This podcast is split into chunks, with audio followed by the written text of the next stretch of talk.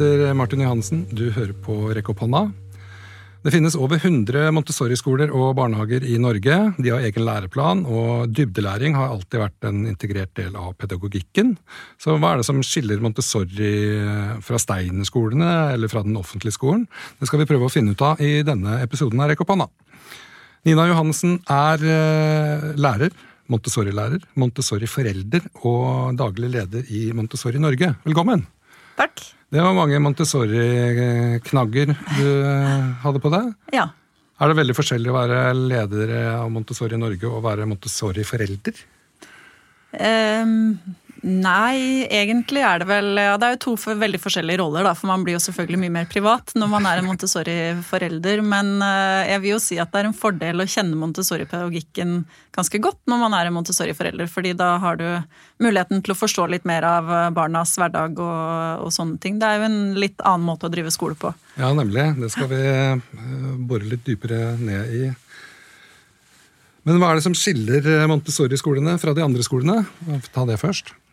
Ja, det er jo Vi kunne sikkert snakka hele episoden bare om det, men uh, litt sånn kort så vil jeg egentlig si at uh, måten skolene er organisert på, er en, en viktig forskjell. Altså at de, de, strukturene rundt hvordan man driver skole, er ganske annerledes. Uh, og en annen ting som jeg syns er veldig fint, er jo at Montessori-pedagogikken er bygd Altså den, er, den blei utarbeida fordi man så hva barn hadde behov for i visse perioder. Så det er en pedagogikk som er basert på barn, hvordan barn lærer, og hva som er barns og unges behov i visse perioder av livet. Det er ikke en skole som er bygd for samfunnet, på en måte, eller samfunnets behov, eller noen ytre fordi man deler inn i klasser fordi det er en veldig enkel måte å gjøre det på for å strukturere det, men det er bygd etter barnas behov. og det uh, syns jeg er uh, en av de tingene som skiller seg som kanskje er litt vesentlig, da. Mm. Mm. Og det, så er det jo det her, um, som jeg også har lest et eller annet sted, at uh, det, er, en helhetlig utdanning, da, som du er inne på. for så vidt, At du liksom følger barnet fra fødsel og ut i, i voksenlivet. Ja. Ja. Og faktisk nå også ut i alderdom er det jo Montessori, Montessori foreldre og demente er et nytt område hvor det jobbes litt med det på. Så det er et, det er ikke egentlig en utdanning, kanskje, men mer et syn på utvikling. Eh, og mm. hvordan man tilrettelegger for optimal utvikling innenfor egentlig alle fasene i livet. Og spesielt fra fødsel og, og, og opp i, mot barneårene. Da. Så pedagogikken blei jo utvikla opp til omtrent uh, ungdomstrinn, men uh, men det snakkes jo om utviklingsfaser opp til rundt 24 år eller noe sånt i mm pedagogikken så, og hva som er behovene i disse fasene. da. Ja, nemlig. Men altså, Maria Montessori er jo helt klart damen som er utgangspunktet for det hele. Men når var det hun levde igjen? Ja, Det var eh, seint 1800 eh, og første halvdel av 1900. Så første barnehagen hun starta, var vel i 1906, ja. mener jeg. Eh, og var da første halvdel av 1900-tallet, eh, så var det en ganske stor vekst eh, internasjonalt, da. Blei mm. anerkjent. Mm. Mm. Er jo, altså, barnehager er jo da åpenbart også viktig for dere. Men, mm. Uh, men hva med de elevene som, som, bare plutselig begynner i løpet av skoleløpet? Kommer til dere i fjerde klasse. Er det, er det, er det lett for å tilpasse seg? Helen? Det, for noen så kan det være veldig lett, eh, men det er jo en ganske annen altså, Det vi kan si om det, er vel egentlig at man ønsker jo primært at man begynner så tidlig som mulig. Du vil kanskje få best utbytte av det, rett og slett, fordi at man da helt fra starten av får den muligheten til å være selvstendig, øve på å ta egne valg, gjøre de tingene man er opptatt av i Montessori. Men selvfølgelig så vil det også være mulig å komme inn senere i løpet, og det er jo også ganske vanlig i mange av mm. våre skoler. Eh, at barn av en eller annen grunn ikke trives i offentlig skolen eller andre skoler de er i, og ønsker å bytte. Og da ser vi at mange kommer inn da seint. Så det, jeg tror der er det kanskje mer snakk om hvordan man justerer forventningene, og at kanskje mm. noen barn trenger litt mer tid på å bli vant til den måten å jobbe på. Trenger kanskje få begrensa friheten sin rett og slett litt i begynnelsen, hvis man ikke er vant til å ta selvstendig valg og jobbe selvstendig og sånne ting. Så det, mm. Men uh, de kan få veldig godt utbytte av det. Um, absolutt. Men jo tidligere, jo bedre. Ja, så det tenker, jo, det tenker du jo sikkert på Steinerskolen, og det tenker vi på Nyskolen òg. Når de begynner i første, så skal det gå ut tiende, mm. selvfølgelig. Men de får, også får jo masse elever uh, hvert år da, som begynner på ulike trinn. Så, og det er også ulike utfordringer da, med å si, passe til det systemet, nye systemet. Noen ganger går det bra, og andre ganger uh, går det ikke så bra. Men sånn er det vel. Ja. ja. Men uh, du sier det her med den derre uh, innskrenke friheten. og Det er litt interessant. For, hvordan er det en, en vanlig skoledag på en Montessori-skole ser ut? Ja, altså det kanskje, kan begynne med kanskje at det er en litt sånn vanlig misforståelse rundt Montessori. At barna får veldig sånn full frihet. De kan gjøre som de vil, og de på en måte bare roter rundt og holder på med det de, de ønsker. Men det som er faktum, er at i Montessori Hvis man tar et småskoletrinn, der man jobber jo aldersblanda, så da har du første til tredje klasse f.eks. blanda i en aldersblanda gruppe. Og da jobber de i lange arbeidsøkter, og barna kan jobbe med ulike ting på samme tid. Mm. Så de har mulighet til å ta valg i forhold til hva de ønsker å jobbe med når, men de planlegger dagen sin i loggbøker, og dette er jo ting man øver på veldig sånn gradvis, og de får de har en valgfrihet innenfor det miljøet vi tilbyr. Eh, de har ikke valg om å ikke gjøre noe, men de har valg om eh, metoder og kanskje valg av arbeidspartnere, mm. hvilket materiell, hvilke fag de ønsker å jobbe med når, osv. Så videre. så, og den valgfriheten tar det tid å øve på, eh, mm. men målet er jo selvstendig barn, som på alle områder, egentlig. Så da må man også gi dem den muligheten til å øve på å ta disse selvstendige valgene og strukturere sin egen tid og planlegge osv. Men noen vil jo trenge lengre tid på det. Og det gir deg også mulighet, måten det er organisert på, gir mulighet for at nettopp ungene kan jobbe med ulike ting til ulik tid. Noen barn vil sitte og få en presentasjon av en lærer, mens andre jobber kanskje selvstendig med noe de ikke ble ferdig med dagen før. Noen kanskje sitter og leser litt, eller mm. man gjør du vil, du vil, se et yrende liv rett og slett av barn som jobber med ulike ting, da. Mm, det høres jo helt eh, fantastisk ut. Ja, det er det. ja, det som ønsker meg jo også en, en sånn uh, skole. Men altså, det her med aldersblanding, da, det er jo, det er jo grunnleggende prinsipp for Montessori-skolen, og nyskolen òg, for, for, så vidt. Mm. Men hvorfor tenker dere det er bra for elevene å være i de her eh, første til tredje, fjerde til sjette, tre og tre år i en gruppe? Hvorfor er det bra? Altså Det var jo det Montessori selv oppdaga, da, i, i, forhold til hva som er behovene til barn. Så oppdaga hun at de hadde litt sånn lignende behov i visse perioder. Altså at de mellom seks og ni, eller kanskje seks og tolv, hadde egentlig lære litt på samme måte. De har en del sånne fellestrekk som gjør at de eh, kan jobbe sammen. Og det samme med barn fra tre til seks, f.eks., som har veldig andre behov og andre ting de trenger å øve på i forhold til de fra null til tre.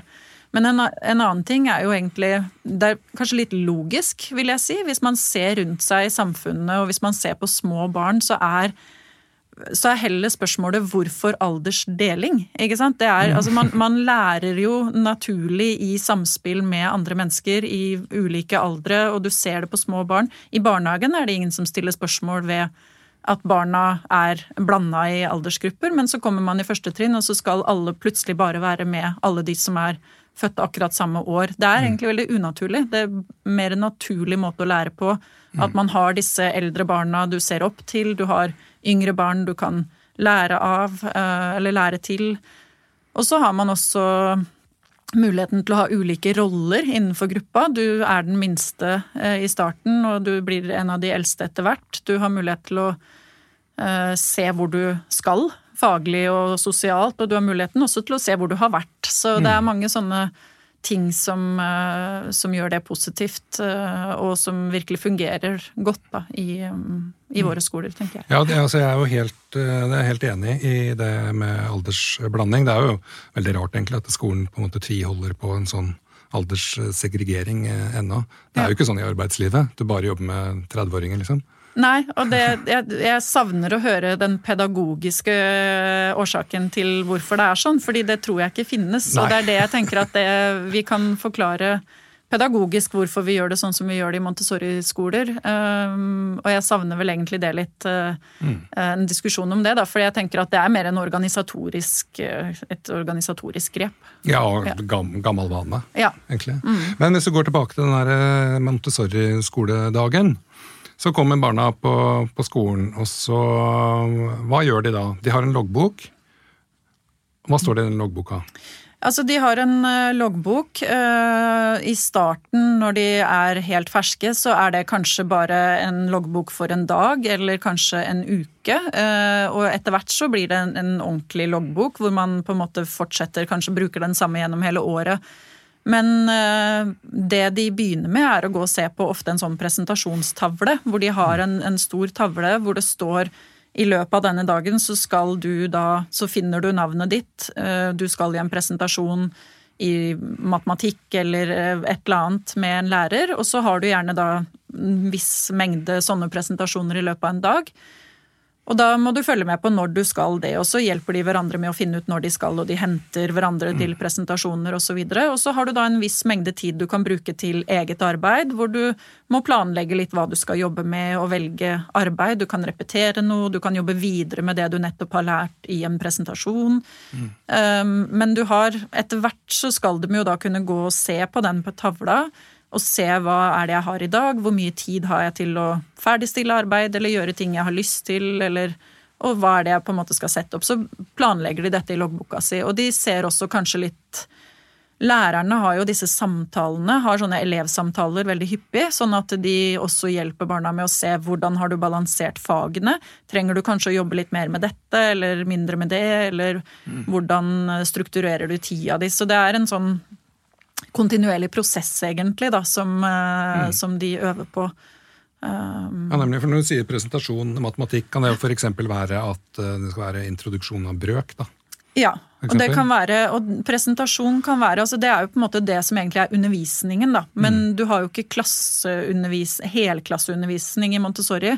Det er veldig veldig sjelden. Du har kanskje noen samlinger som er for alle. Noen sangsamlinger eller viktige beskjeder som skal gis og sånne ting. Men ellers så er det presentasjon i små og mellomstore grupper. Innimellom enkeltpresentasjoner. Det kan være at et barn bare trenger en repetisjon på et materiell for å komme videre eller noe sånt noe. Da kan man få en kort presentasjon av læreren. Eller så er det gjerne en fire, fem, seks barn som sitter sammen og kan få en presentasjon om Eh, rotas deler i biologi, eller mm. det kan være en eh, brøk, introduksjon til brøk, eller et materiell hvor du jobber med lang multiplikasjon, eller ja. Mm.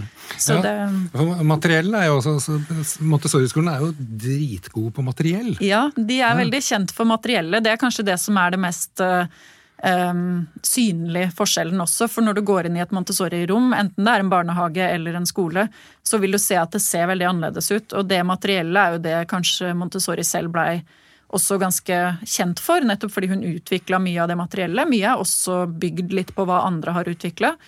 Men, men materiellet er Det tjener mange hensikter, da. Det er både for å gi barna noe konkret. Altså litt mm. sånn konkrete eh, abstraksjoner, kaller man det. Og det er også materiell som man bruker ulike plansjer, som kan gi de litt sånn visuelle um, bilder av ting man skal snakke om. F.eks. når man snakker om rotas deler, eller mm. uh, hvordan blomsten altså Når man snakker om fotosyntesen, så har du noen sånne enkle plansjer som man viser, og så bruker man gjerne mye fortellerkunst og små fortellinger for å innlede. Mm men spesielt matematikkmateriellet f.eks. er jo veldig kjent og, og, vil jeg si veldig genialt. Det støtter veldig den mm. tankeprosessen. Og, og, så tror jeg alle også kjenner igjen at barn, spesielt yngre barn, trenger noe å ha henda på. Mm. Og i barnehagen ser man jo det, at de lærer sensorisk, så det er veldig mye sensorisk materiell. Men i skolen så er det også en støtte til å kunne Altså barn kan jobbe i første klasse med f.eks. lang multiplikasjon, uten at de egentlig forstår hva de eh, gjør sånn rent abstrakt. Mm. Men de kan jobbe med det fordi de får støtte i materiellet, og så vil de da gradvis jobbe seg mot en mer abstrakt forståelse. Um, så du får den litt lange prosessen som gjør at læringen forhåpentligvis kanskje sitter litt bedre, og at de får en litt eh, ja, dybdelæring. Dyp forståelse, rett og slett. Ja. Ja, for det er jo det eh, altså Dybdelæring er nesten blitt et sånt, bare sånn inn-ord. jeg Mm. eh, inntrykk av. Det blir brukt til alt mulig rart. Det er dybdelæring. Ja. Men eh, dere legger jo opp skoledagen på en ganske annen måte enn en offentlig skole. Men dere har jo da også en egen læreplan. Ja. Dere fikk en ny en i 2020, stemmer ikke det? Ja, den ble revidert eh, fordi egentlig fagfornyelsen eh, også tvinga det litt fram. Vi, våre læreplaner må jo være jevngode med de offentlige. Så, så vi hadde nok måttet revidere noe uansett. Men, eh, men vi ønska også en revidering for å fordi vi har fått rett og slett mer erfaring som skoler og som miljø til at det var en del ting vi ønska å endre på.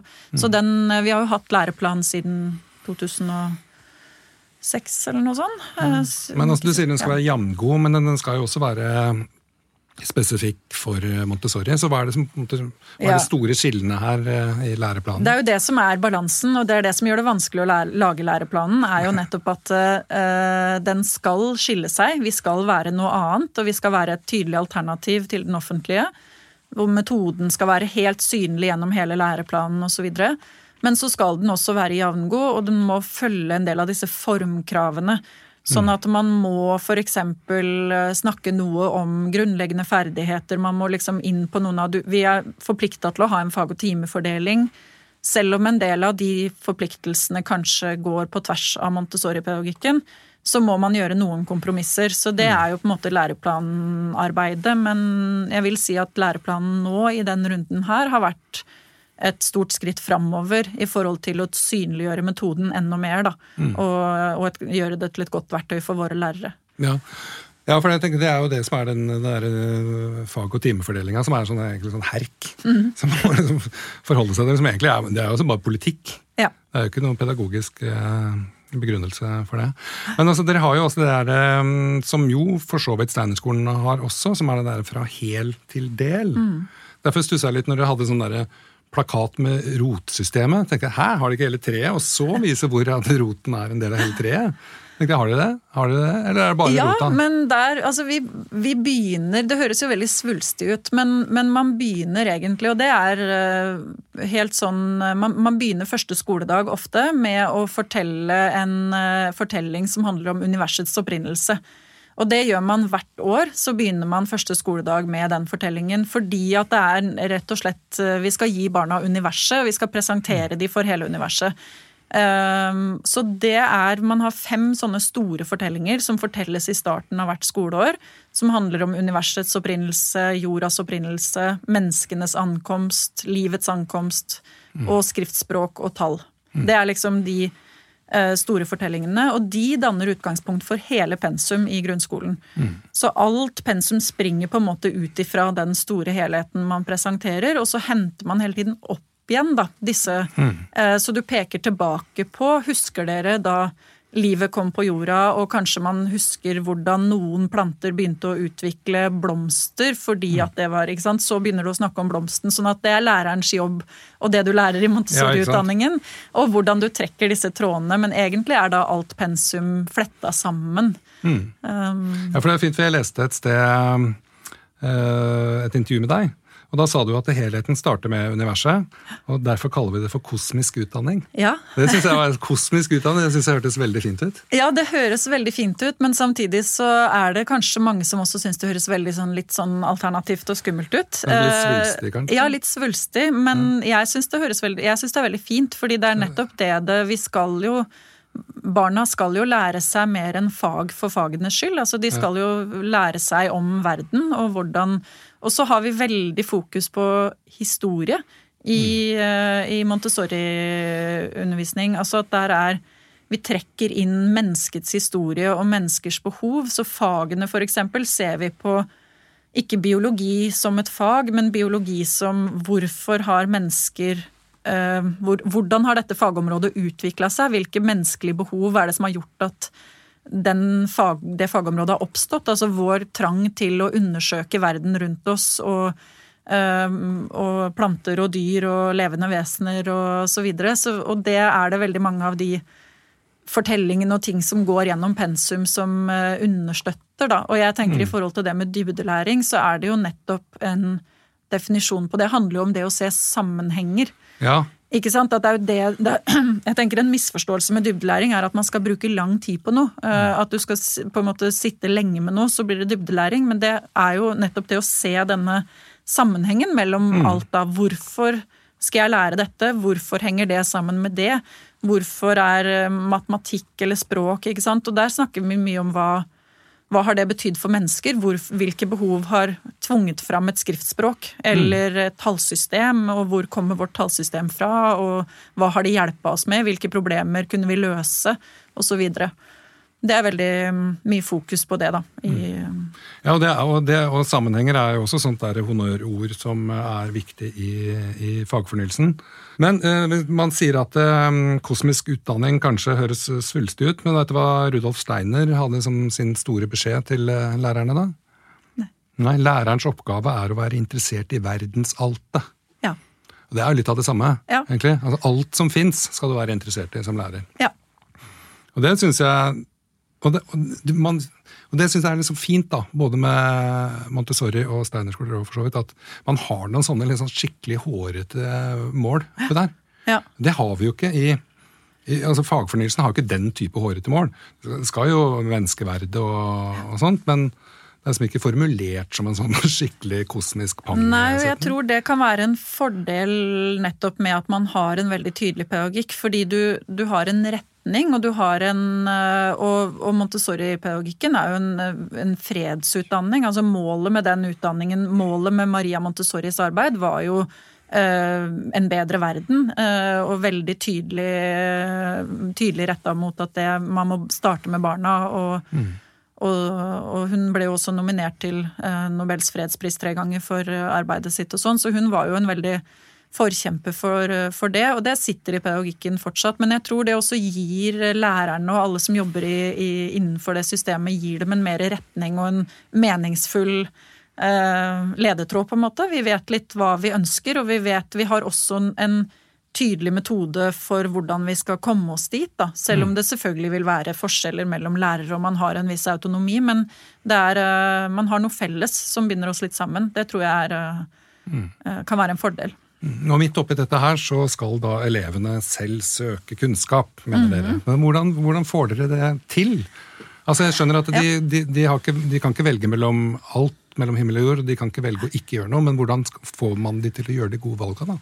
Nei, altså det Vi sier at noen av Den voksenrollen i Montessori er jo litt annerledes. Så no, noen av de tingene du skal gjøre som en Montessori-pedagog, er for det første at du skal inspirere barna. Altså det å, det å tenne en gnist og på en måte beholde den gnisten, det er jo noe av den viktigste jobben.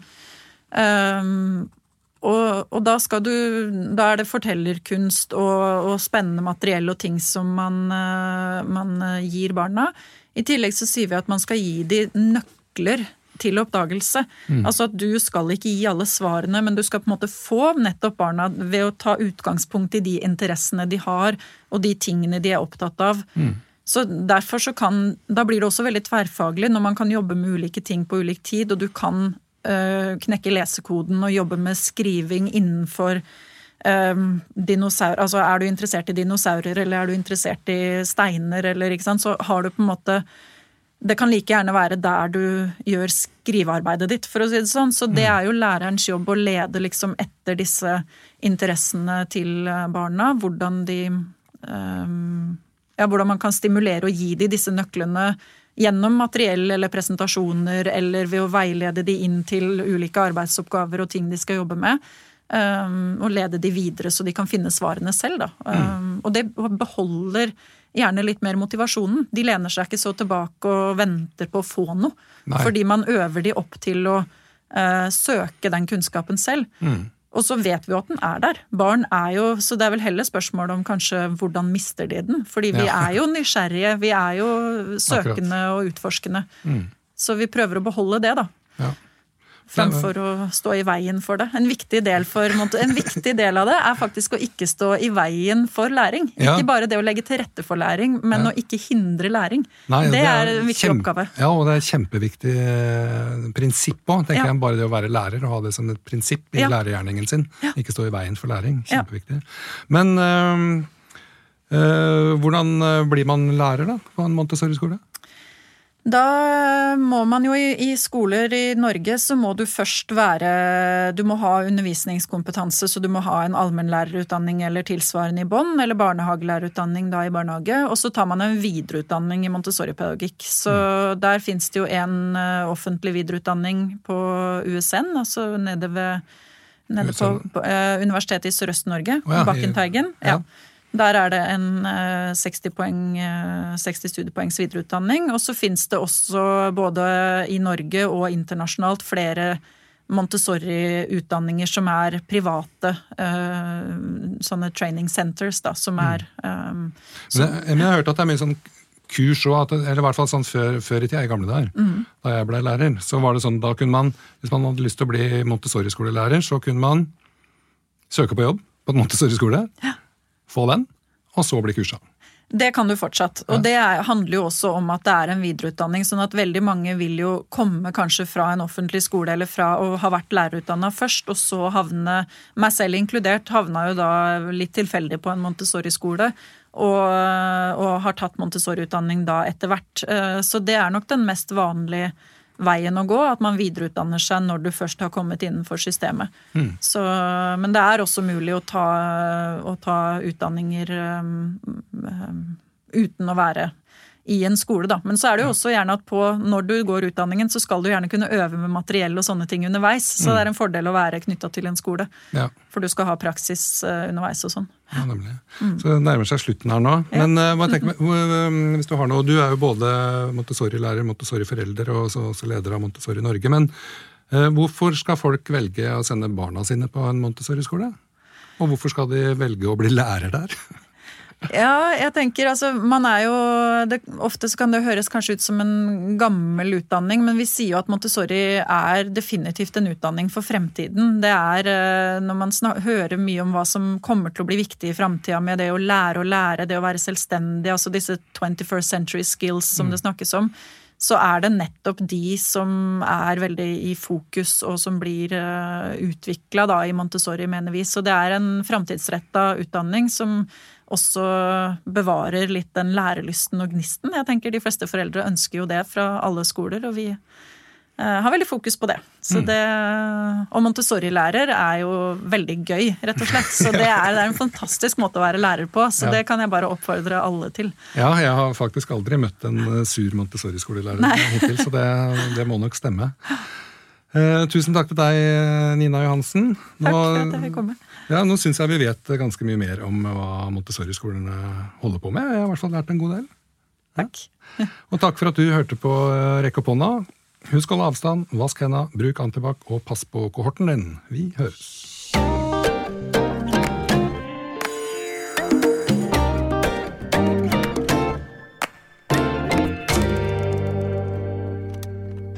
Produsert av